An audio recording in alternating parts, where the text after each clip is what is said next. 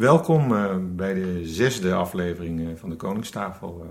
Dankjewel. Bij mij te gast is Henk Hofman, storyteller, trainer, theatermaker. Vergeet ik nog iets, Henk? Docent. Docent. Dat ben ik jarenlang geweest, dus dat moet je maar even noemen, ja. En met liefde geweest ook. 25 jaar las ik ergens.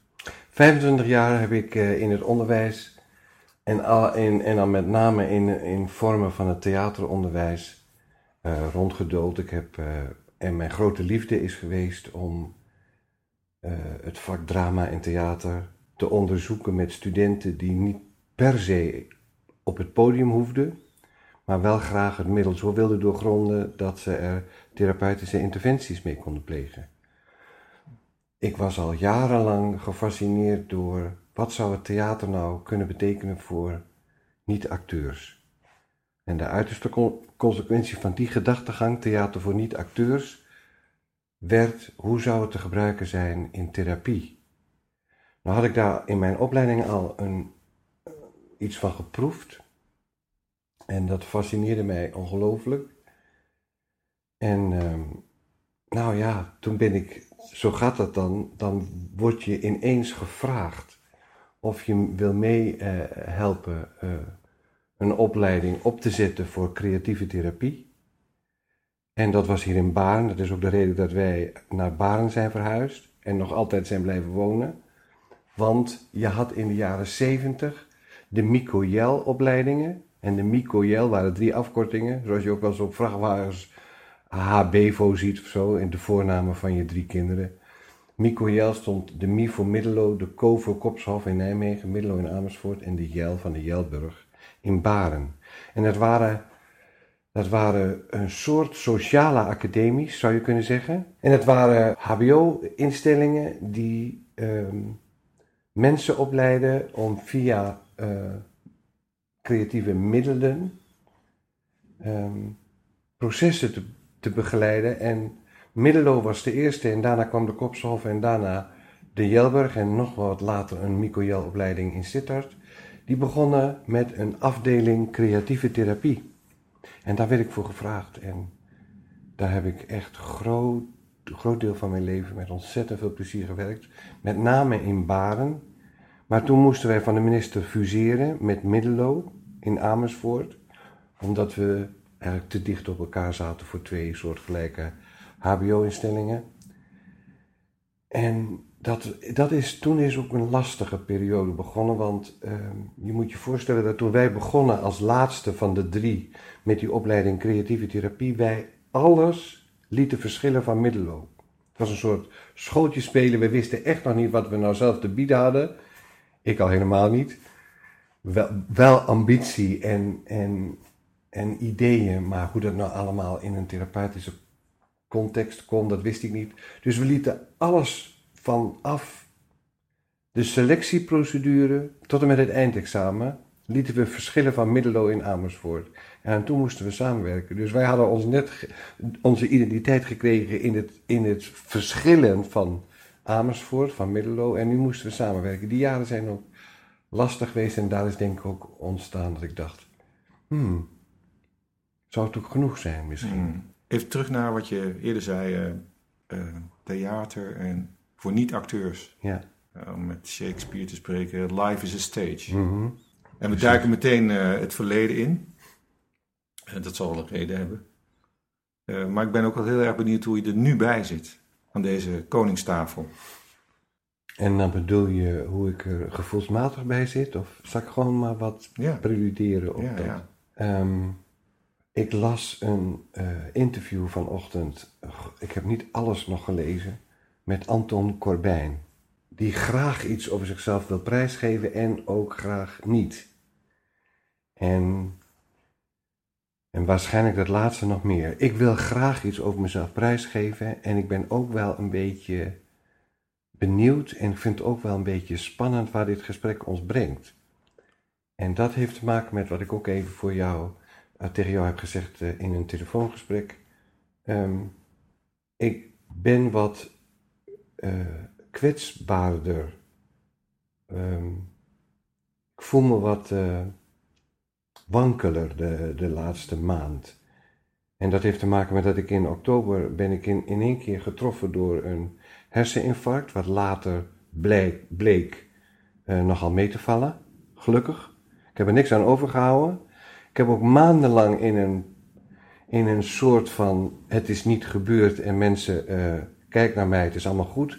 In, in, in, in, een, in een soort van ontkenning geleefd. Nou, dat is niet helemaal waar, maar wel ik pak het allemaal weer op en het is goed en ik ben wel even gevallen, ook letterlijk, ik ben even gevallen, maar ik ben weer opgekrabbeld en we gaan door.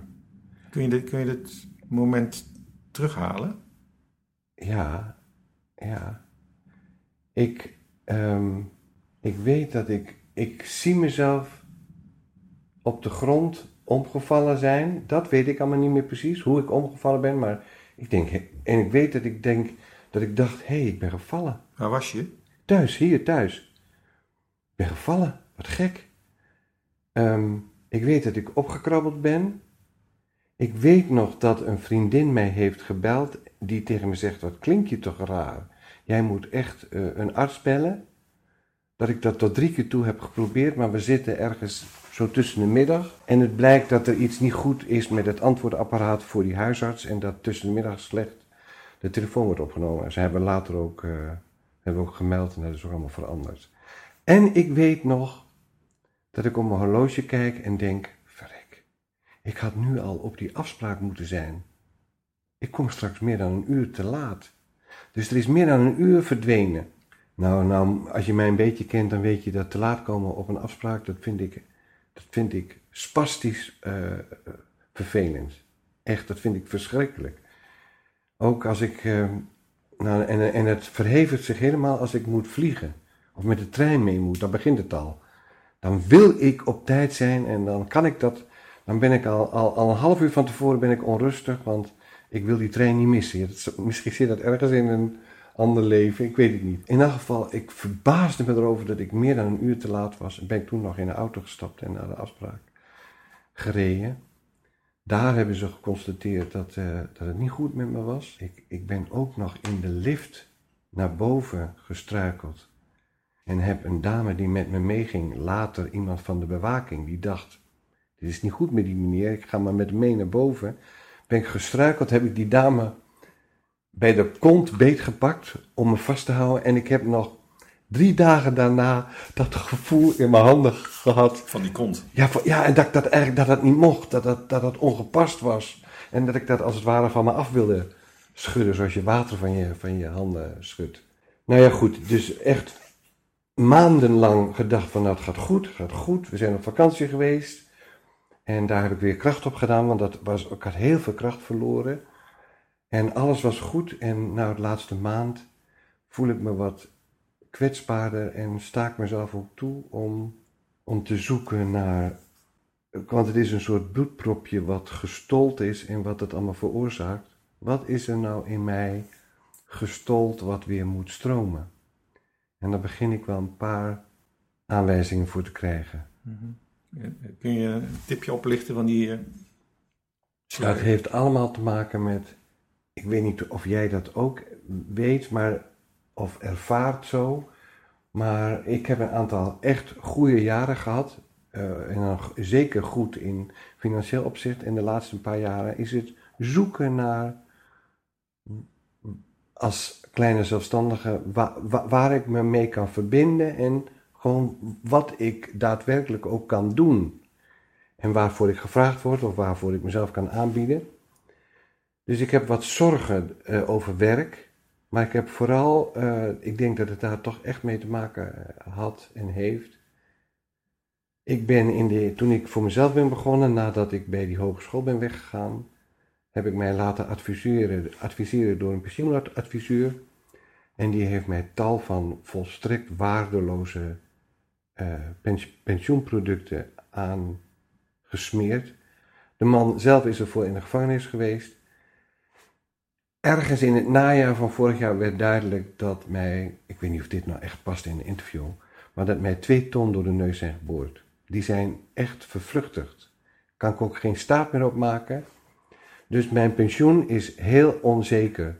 maar goed, ik, ik, ik, ik denk dat dat ook heeft meegespeeld dat ik daar zo boos over ben geweest, al hele tijd overigens. Maar nu het zich echt ontrolt van nou dit is aan de hand Henk en jij hebt jarenlang gespaard, maar er is weinig van over. Ik denk dat dat... En nu zie ik dat die boosheid mij ontzettend heeft vernauwd. Alsof mijn stem alleen maar gaat over zo'n zo'n verschijnsel. Alsof ik niet nog wat meer te doen en te vertellen heb. Het heeft me heel erg beperkt. Dat is er in mij gestold. En dat moet weer stromen. En dat begint ook weer te stromen. Alleen wat kwetsbaarder dan misschien hiervoor. Ja. Dus je hebt een verwachting gecreëerd van Ja, ik heb geld gespaard, opdat ik dat later eh, voor iets kan ja, gebruiken. ja, ja. Een rustiger leven leidt of whatever. Ja, nou ja, toen ik, toen ik voor mezelf begon, toen heb ik iemand in de arm genomen die mij ging adviseren. En die zei, eh, oh ja, oké, nou wat eh, wil jij dan in die tijd zoveel hebben? Oké, ah, dat is een soort goede aanvulling op je op pensioen wat je in het onderwijs hebt verdiend. Nou, dan moet je dit en dit en dit en dit doen. En ik had al, ik ben gewoon een van de zoveel mensen, maar bij mij is het misschien nog iets dramatischer, omdat er echt ook waarde, werkelijk waardeloze dingen aan producten waren. Maar ergens was er wel een stem in mij die zei: "Hey, dit, kan nooit. Hoe kun je nou met bijvoorbeeld geleend geld, er was ook een deel van de producten had met geleend geld te maken. Hoe kun je nou met geleend geld zulke voorspellingen doen? Is dat nog wel. Het voelde al niet goed, maar ik, ik heb die stem het zwijgen opgelegd. En dat had weer te maken met een heel ander koningsdrama. We zitten hier toch aan de koningstafel. Mijn vader was een kleine bankdirecteur. Hij mocht zich eigenlijk niet eens directeur noemen, maar beheerder van een kleine Amro-bank in Nijverdal, waar ik ben opgegroeid. Resorterend onder het hoofdbureau van Almelo. En mijn vader was een, sowieso iemand van de oude stempel, maar echt ook een bankdirecteur van de oude stempel. Dus als er iemand met een, met een aanvraag kwam voor een lening, dan zei mijn vader, zou u niet liever sparen? En dan kreeg hij daarvoor op zijn vingers getikt. Van de mensen uit het hoofdkantoor in Almelo. Meneer Hofman, die mevrouw heeft toch een, ehm, een huis, wat wij gefinancierd hebben. U moet die leningaanvraag honoreren, want wij, wij lopen geen risico.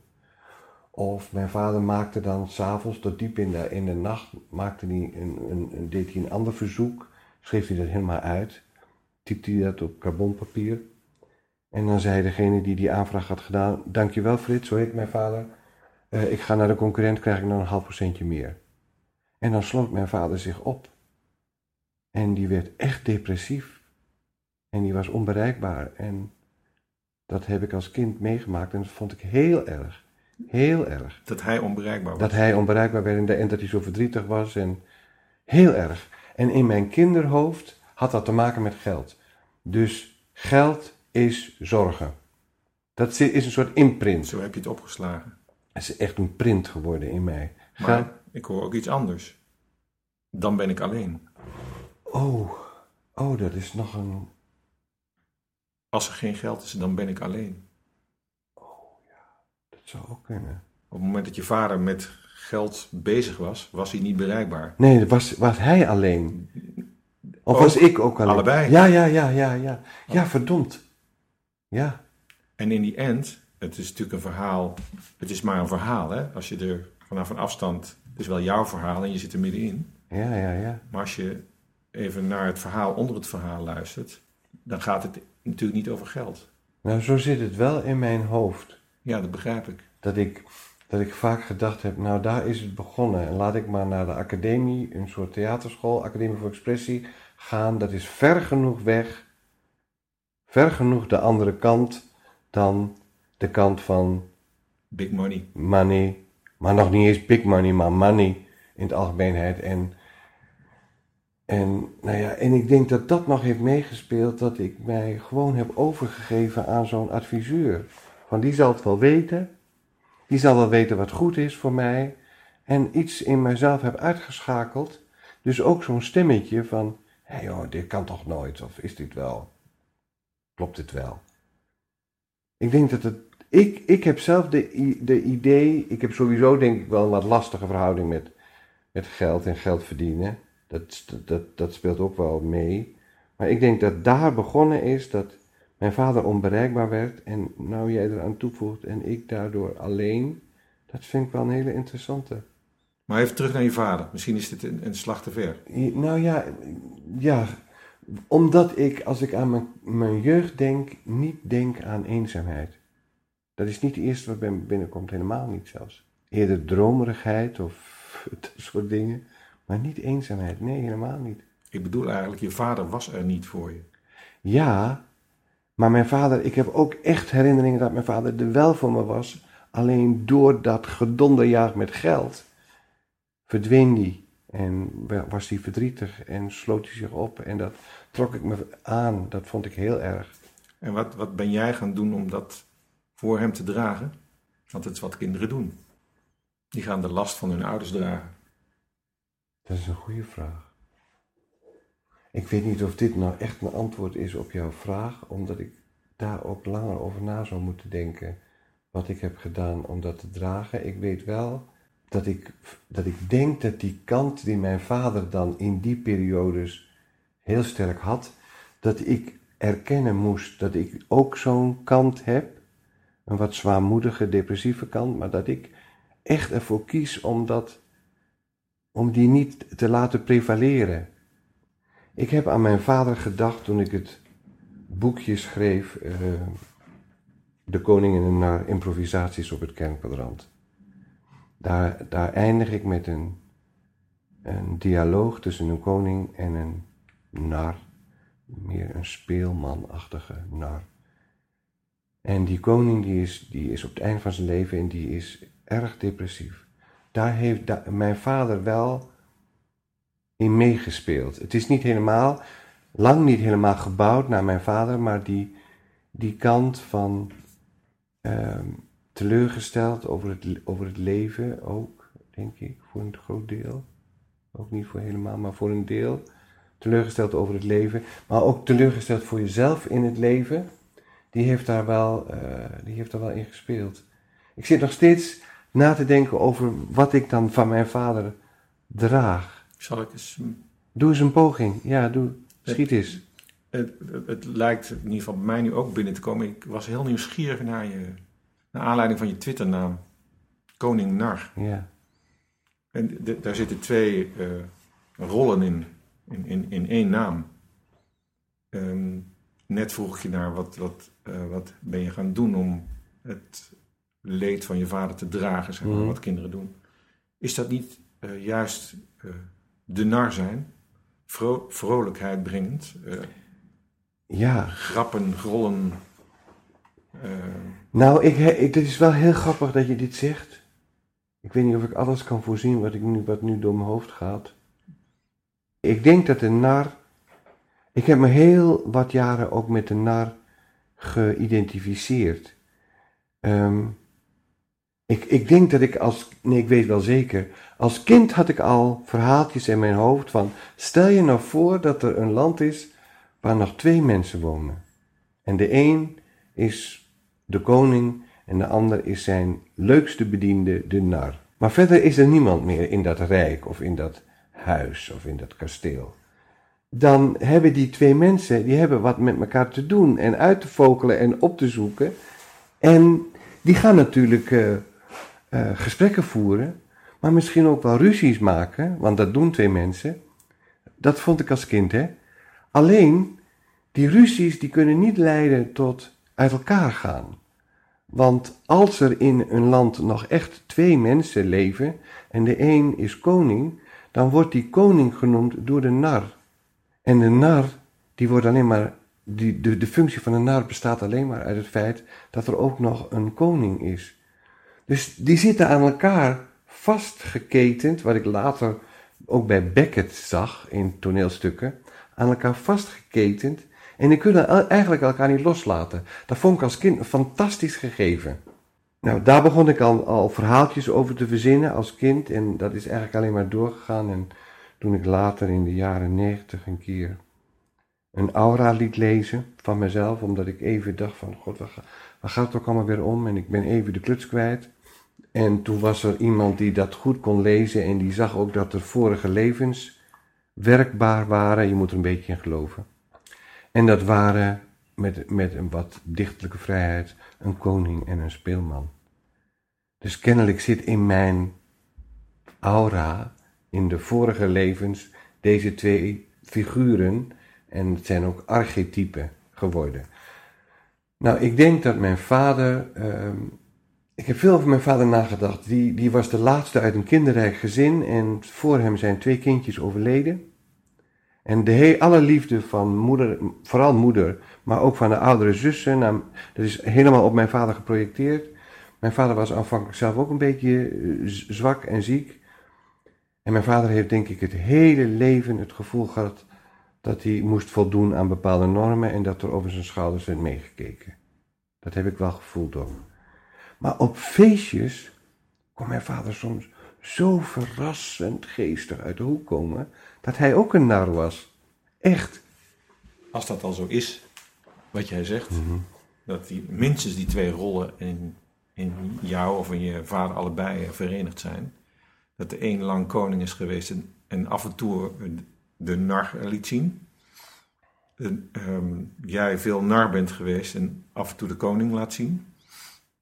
Maar dat, dat er een moment komt dat die rol misschien uh, gaat switchen. Of al geswitcht is, maar dat je. Nou, ik denk dat ik nu, dat ik nu eigenlijk wel wat meer de koning ben. En, en, een, en een kwetsbare koning, een raakbare koning. Een koning die, ehm, die beseft dat, uh, ja, dat het zo ook maar afgelopen kan zijn. En, uh, en dat dat, dat is echt een grote verrassing. En waar heb je dat besef door gekregen? Nou ja, die, dat, die, die, die herseninfarct heeft daar wel een grote rol in gespeeld. En um, soms denk ik wel eens dat we leven in een, in een bijzondere tijd. We leven echt in een transitietijd, in een overgangstijd. Ik, ik, ik weet het zeker. En het lijkt wel alsof ik dat bijna ook zelf voel. In mezelf. En wat, wat nou merk je dan in jezelf? Als je dat, dat ik meer dan ooit uitgenodigd, gevraagd word om bij mezelf vast te stellen wat ik ook zo graag bij anderen wil ontlokken. Van wat is mij heilig, waar ik eigenlijk niet mee wil sjoemelen, waar ik geen gaten in wil schieten, waar ik geen, waar ik, wat ik, um, ik weet in een aantal heleboel dingen eigenlijk niet meer zeker. Ik weet alleen dat, er, dat ik een steeds groter verlangen heb naar licht. En soms noem ik dat God. Ehm, een heel groot verlangen. En dat ik meer dan ooit weet nu dat ik als kind meer wist dan nu. Ja. Als kind was ik echt dicht bij God. En ik kreeg letterlijk van God een knipoog. Letterlijk is mij letterlijk overkomen, staat nog zo in mijn netvlies. Vertel eens. Nou, ik was een hele gevoelige jongen en ik, eh, ik kon soms echt lang uit het raam kijken en dan dromen. En dat werd in ons gezin, werd ik meester dromer genoemd. En dat was geen, ehm, geen uh, goede betiteling, zal ik maar zeggen. Meester dromer betekende eigenlijk, ga je eens wat doen. Of zit je weer te dromen. Dan deed je niks. Dat was de boodschap die, dat was de boodschap. meekwam. Ja, dat, ja, en dat, dat, ja, dat was de boodschap en... Daar heb ik het later nog wel eens met mijn, met mijn moeder over gehad. En die, die zegt ook dat hij dat speet. Maar dat hoorde helemaal in die tijd dat ik ben opgegroeid. Je moest, je moest wat doen. Dat kenden zij ook heel goed aanpakken. Allebei mijn ouders. Maar ik was een, uh, ik was een gevoelige jongen. Ik, ik, ik ben opgevoed, met de Bijbelverhalen. Dat is mijn, mijn grote bron van uh, mijn liefde voor verhalen. Die, die liggen daar. Ik heb de kerk jarenlang volledig vaarwel gezegd. Nu eigenlijk nog, nog steeds de kerk. Maar iets in mij is altijd blijven gloeien ten aanzien van. Um, er is meer tussen hemel en aarde. Die gevoelige jonge Henk, die hoorde dan in de kerk uh, zinnen als. Um, en de Heer zal terugkomen als een dief in de nacht. Hij zal de bokken van de schapen scheiden. Dat was een hele indrukwekkende zin voor mij. Waar er twee op het land zijn, zal hij, zal hij er één in genade aannemen. Maar niemand zal het uur en de tijd en de plaats van de terugkomst weten. Zoiets van dat soort zinnen. En die bleven maar in mijn hoofd. Niemand zal het uur en de tijd en de plaats weten. Niemand. Als een dief in de nacht komt hij. En met die gedachte ging ik slapen. En, dat waren dreigende gedachten. Maar ik vond een truc. Want als ik nou ging slapen met de gedachte: Hij komt vannacht, hij komt vannacht, hij komt vannacht, dan kon hij niet komen. Want dan was er op de hele wereld iemand die dat voorspeld had. En dan klopte dat weer niet.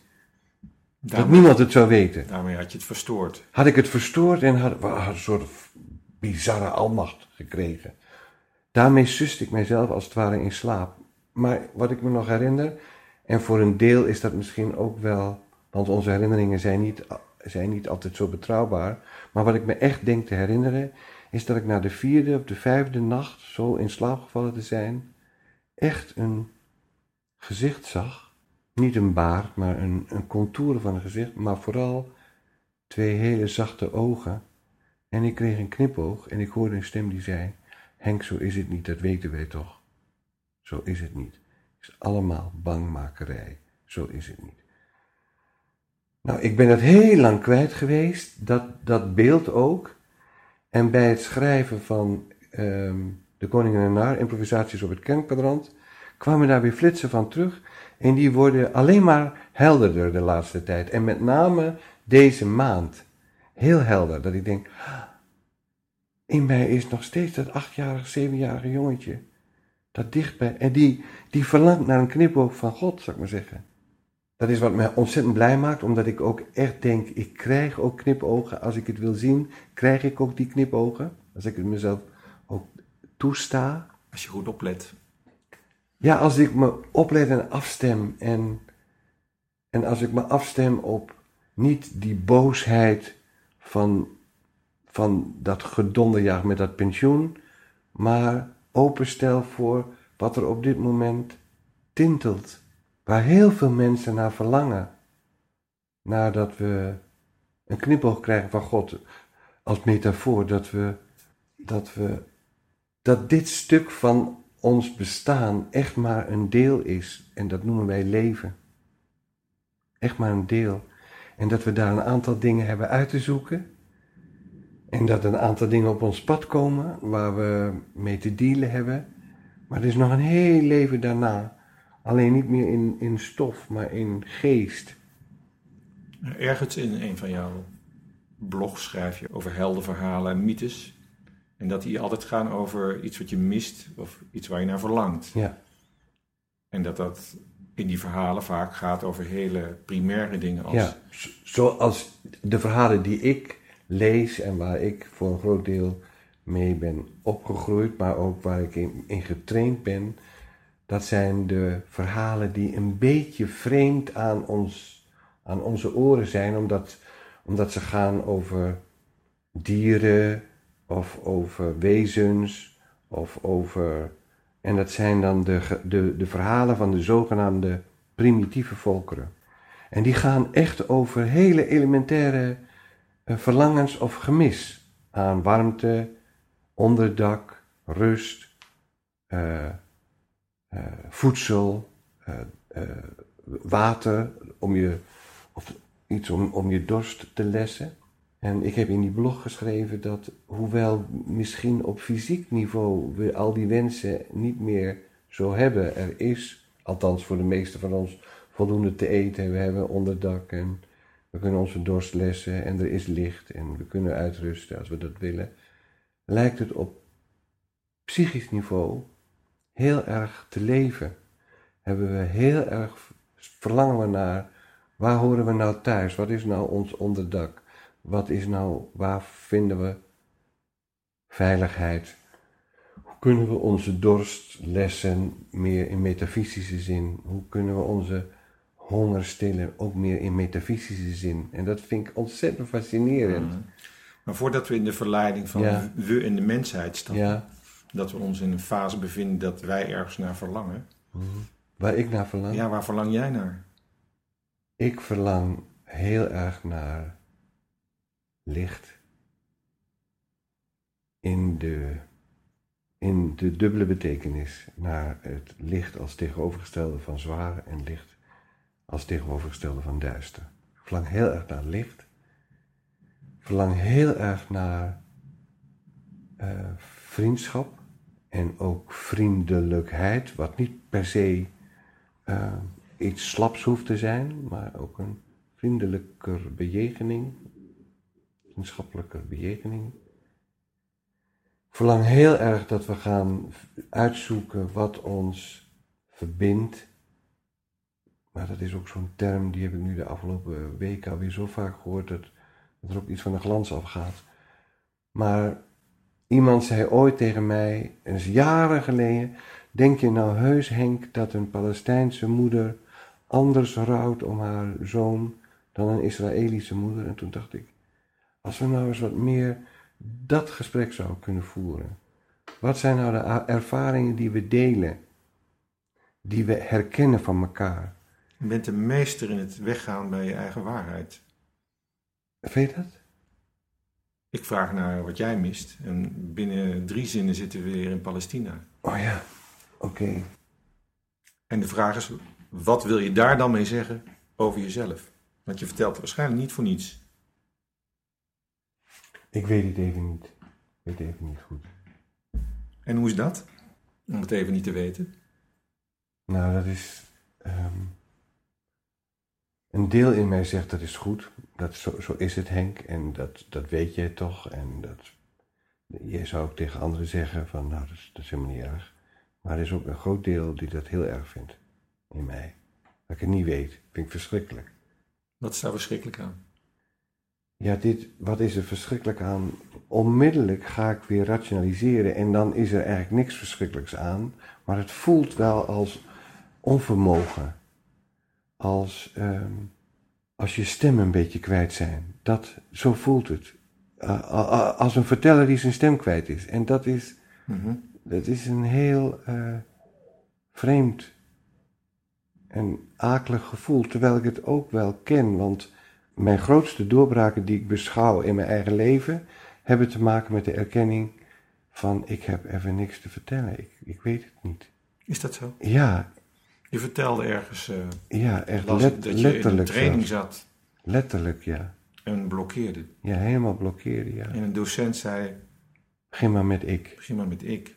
Iets op te schrijven, begin maar met ik. En wat gebeurde er toen? En toen schreef ik op, ik heb niks te vertellen. En er was een erkenning die.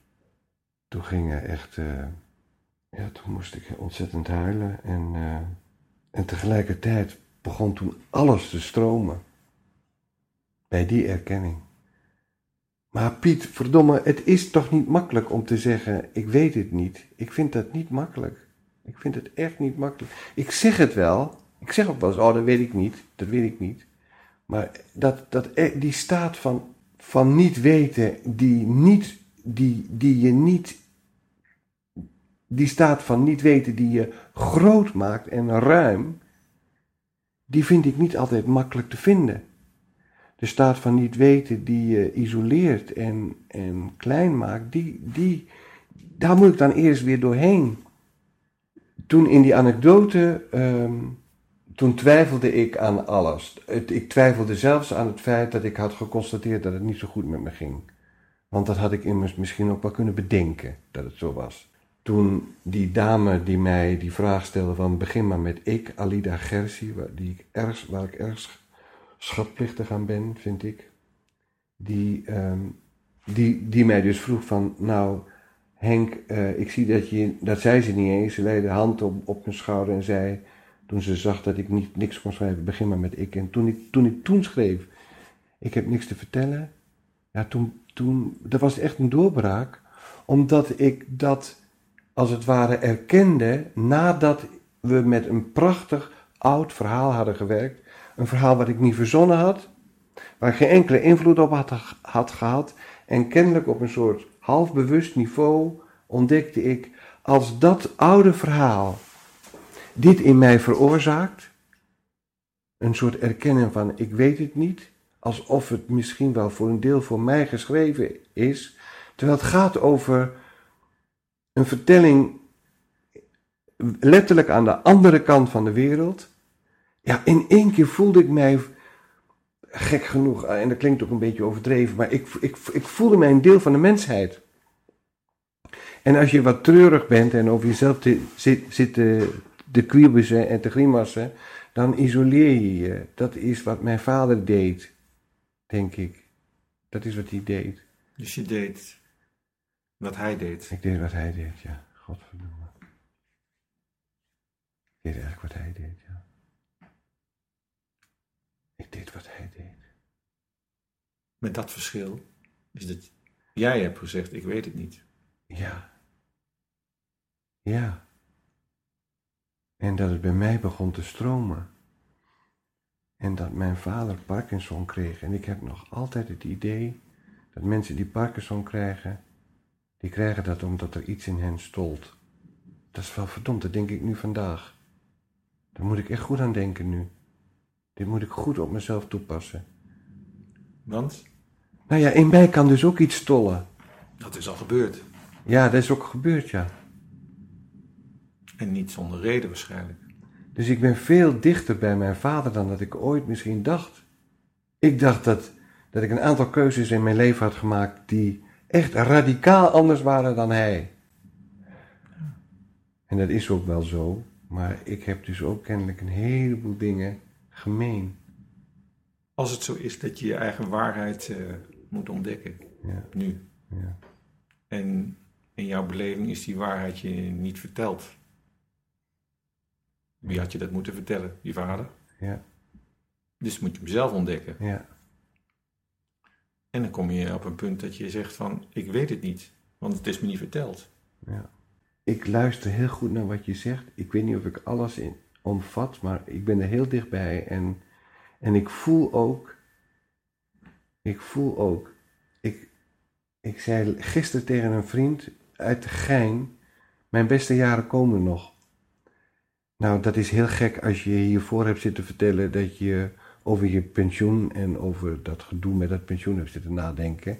Maar ik heb echt het gevoel dat mijn beste jaren nog, nog komen. Daar waar ik vrij uit, vanuit misschien wel dat niet weten, mag vertellen wat ik wel weet. En dat ik daar in, in dingen mag doen. Al speculeer ik nu wel op een moment wat er nog niet is nu, als ik echt naar mezelf.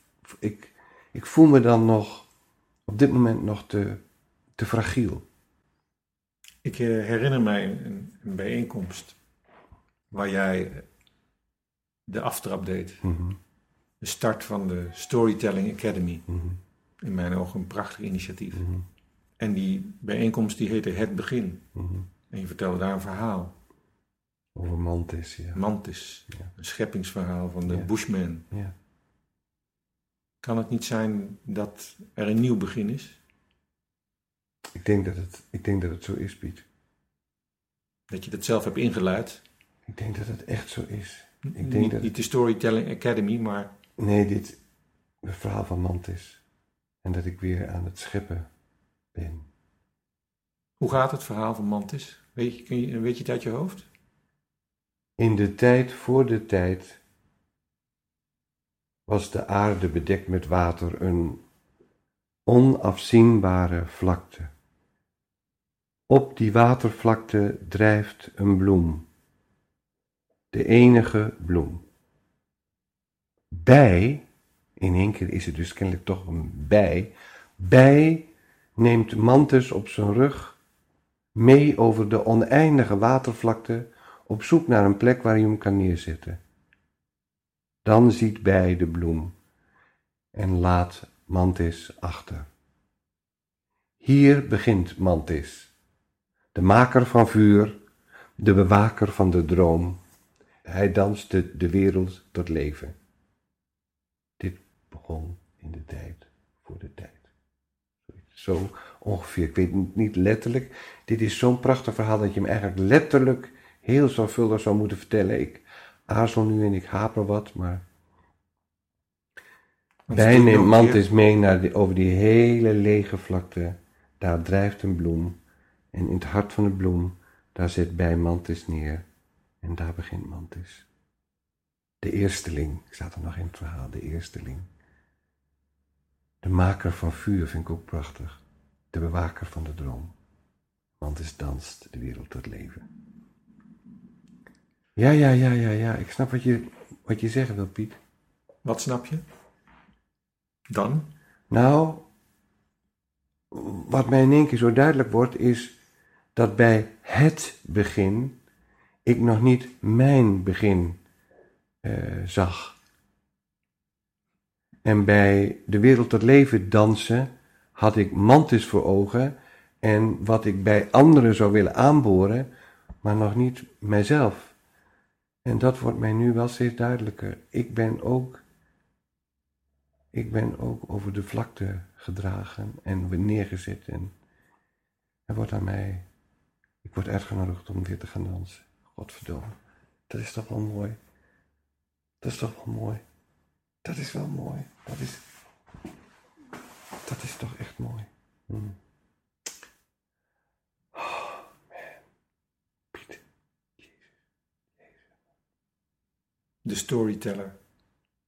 Oh, en dat had ik mijn vader zo gegund, weet je dat? Wat had je je vader gegund? Dat hij danste. Nou gaat het weer over iemand anders. Ja, maar dat is ook, dat is ook wel de. Dat is ook wel dus mijn vader heb ik ook geïnternaliseerd. Dus dit gun ik mezelf ook. Voilà. Vrij en dansen en licht. En... De storyteller die jij bent, heeft een hele grote verleidingskracht. Namelijk om mee te gaan in zijn verhaal. En voor ik het weet, wil ik weten hoe het afloopt. En tegelijkertijd denk ik, maar hou even, wat vertel je niet?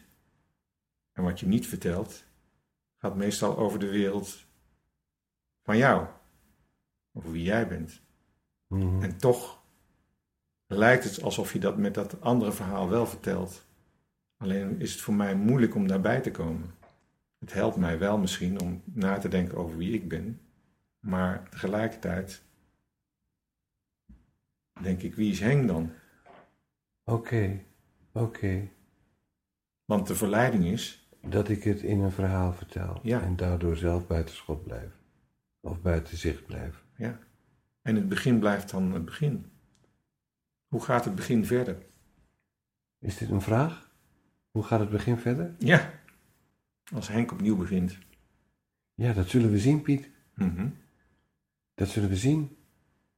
Dat weet ik niet. Dat weet ik echt niet.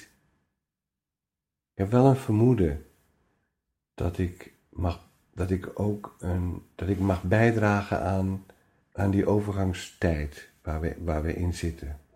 Omdat ik hem ook zelf zo ervaar. Maar hoe het zal gaan. Wat zie je voor je? Ja, wat, ik, wat, ik, wat ik echt zelf zie en niet wat mij door de geschriften en door de boekjes en door de uitspraken van andere mensen is verteld. Dat weet ik eigenlijk niet wat ik zie. Ik weet wel wat ik verlang. Ik weet eigenlijk niet weet niet goed wat ik. kan niet zo goed met zekerheid vaststellen: dit gaat er gebeuren. Mijn verlangen is dat ik in een, in een toenemend besef mag, mag komen dat, dat ik gedragen word. Ja, dat klinkt allemaal heiliger dan. Maar dat is wel wat ik ontzettend verlang. Dat, dat mij eigenlijk niks kan gebeuren. Dat mij niks kan overkomen. Dat verlangen heb ik daar. Vertrouw ik ook op. In toenemende mate, daar heb ik ook wel twijfels over af en toe. Het gaat bij mij zo van eb en vloed. Soms dan besef ik volledig dat het zo is. Dat ik gedragen ben en dat mij echt niks kan gebeuren. Het is, het, ja, het is dat gevecht in de geest van wat doe ik eraan dat het blijft stromen in mij en waar zorg ik, zonder dat ik het misschien wil, voor de stolling? Voor de kramp, voor, de, voor het harnas, voor, voor de onvrijheid. Maar ik dat? verlang heel erg naar, naar licht, heel erg. En uh, op mijn beste momenten kan ik dat ook geven. En kan ik het ook veroorzaken. Dat wordt mij ook verteld. Maar waar het precies naartoe gaat, Piet. Volgens die dominee Stolk, waar ik dus een, een, twee weken geleden op een zaterdag ben geweest. gaat dit, de- deze episode nog wel zo'n 1500 jaar duren? Ik, ik weet niet precies waar het naartoe gaat. Ik, ik verlang hevig naar meer, meer verbinding, erkenning. Ehm, nou ja, goed, dan komen we misschien weer in de verhalen terecht. Maakt niet uit. Ik, ik haal je wel weer terug. Jullie werken op de Storytelling Academy veel met, met het eh, model van Joseph Campbell, eh, de reis van de held. Soms heeft hij tien fases, soms twaalf, eh, afhankelijk van wie, eh, wie het hanteert, dat model. Maar als je daarnaar kijkt, eh, Soms maar drie. soms maar drie. Als je daarnaar kijkt, in theater vaak maar drie, hè? Ja. Waar ben ik? waar ben je? Ja, ik sta weer voor een drempel. Dat voel ik echt zo. Ik sta voor een drempel en ik sta ook voor de meest wezenlijke drempel. Diezelfde Hans Stolp, die vertelde over oude en nieuwe mysterieën. En bij de nieuwe mysterieën is het zo, dat zijn de mysterieën die zich nu aan ons voordoen, dat ons leven als het ware ons het leven is het mysterie. Daar gaan we de dingen in ontdekken. Niet meer ergens buiten ons of bij goden die verder of dichterbij zijn, maar in ons eigen leven. En in ons leven krijgen we een aantal proeven: een vuurproef, een waterproef, een luchtproef en een aardeproef. Nou, de aardeproef is de proef volgens Tolk die Jezus voor ons geleefd heeft, die, die is echt in het demonenrijk eh, terechtgekomen en heeft zijn eigen grote demonen onder ogen gezien. Die hoeven wij in die zwaarte niet echt door te maken. Ik denk wel in lichtere vorm. Maar de, de, de vuurproef is de, de proef over standvastigheid. De waterproef is hoe je door twijfel overmand kan raken. En de geestproef is als alles is losgelaten, waar richt je je dan nog op? Ik sta voor de water en de, en de, en de, en de vuurproef, eh, de water en de, en de geestproef, en de luchtproef, water en lucht. Daar sta ik nu voor. Twijfel overvalt mij soms, maar als ik echt naar binnen kijk, is, het, is dat niet wat, het, wat mij echt zwakker maakt. In feite, in feite twijfel ik niet. Is er in mij een grote kracht die zegt nee. ehm, ja, met dat ik dat nou weer uitspreek, denk ik, verdomd, klopt dat nou wel? Ik ga nog een keer terug. Ik ben krachtiger in mijzelf dan dat ik misschien nu ook laat blijken, omdat ik ook het fragiele van het bestaan echt onder ogen heb gezien. Maar, maar er zijn ook momenten dat ik in mijzelf een veel grotere kracht ervaar dan nu misschien in dit gesprek. Dus die standvastigheid, die ken ik wel. Maar het, het helemaal je richten op waar ik zo naar verlang, licht, geest, God, ja, daar, daar zit ik volgens mij echt nog mee te worstelen. En, en, en dan ja, val ik ook weer terug.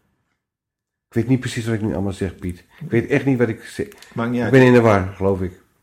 Hartstikke goed. Ik pak het nog een keer terug. Ja, Jij zegt, ik sta voor een drempel. ja ik sta wel weer. Ja, in Campbell's termen sta ik echt voor een drempel. Ja. En dan wil ik van jou weten, voor welke drempel sta je? En ik zou zeggen, begin maar met ik. Begin je zin maar met ik. Piet, de drempel is: ik ben alles. Dat is de drempel. Ik ben alles. Alles is in mij. Er is niets wat ik, wat ik moet zoeken daar waar ik niet ben, zou ik maar zeggen. En wat is daar drempelig aan? dat ik dat soms heel moeilijk durf te aanvaarden. Als ik zeg, ik wist in het begin als kind meer dan nu. Ik heb een aantal, ik heb een, een twee, drietal, e- één weet ik heel goed nog. Een soort al ervaringen gehad dat ik echt deel uitmaakte van alles. En ik sta volgens mij voor die drempel om dat weer helemaal te durven erkennen en me los daarin te laten. Om dat ten volle te tonen. Om dat ten volle te tonen, ja. Al dan niet met taal. En waar ben je bang voor? Want dat is wat de drempel oproept, meestal. Ja, dit is heel idioot, want in dit gesprek word ik minder bang. Ik word minder bang. Er is eigenlijk niet zoveel om angst voor te hebben. Ik zou geneigd zijn om te zeggen dat ik niet weet wat ik moet zeggen. Dat ik niet weet of ik wel wat te vertellen heb. Maar die angst, dat is het eigenlijk niet. Ik heb. Piet, ik zie gewoon de eindeloze watervlakte voor me. En ik word neergezet op, me, op een bloem. Dat zie ik nu. Het is heel bijzonder wat ik nu zie, echt waar. En ik begin te dansen. Dus het is begonnen nu. Al lang begonnen. Ik ga naar je kijken. Hoe je danst, een vuur maakt. De komende jaren. Dank je, Piet. Ik besef dat het een kracht en een valkuil is, mijn verhalen tellen. Ik ben een mantis. Leuk. Leuk. Dank je. Echt dank je wel. Jij bedankt. Ik ben heel erg blij met dit laatste. Heel erg blij met dit laatste. Ik kan het nog niet vertellen, maar ik ben er heel erg blij mee. Ik ga dit vast na, na, nahoren, naluisteren. Als ik het weer even dreig te verliezen. Ik ben de man, dus ik sta in de bloem en ik dans. Dat is mooi. Dat is erg mooi. Dank je. Dankjewel uh, Henk. Dit was de zesde aflevering van de Koningstafel. Uh, de volgende gast is Monica van Leken. Zij is een uh, Vlaamse schrijfster en zij publiceerde afgelopen maand haar derde boek In bed met Boeddha. Ik heb het net besteld. Ik ben benieuwd waar het boek over gaat. Zij is iemand die eerst het avontuur aangaat en dan daar later over schrijft in fictieve vorm via haar alter ego Fanny Hemelrijk. Ik ben ontzettend benieuwd wat zij te vertellen heeft. Bedankt en tot de volgende keer.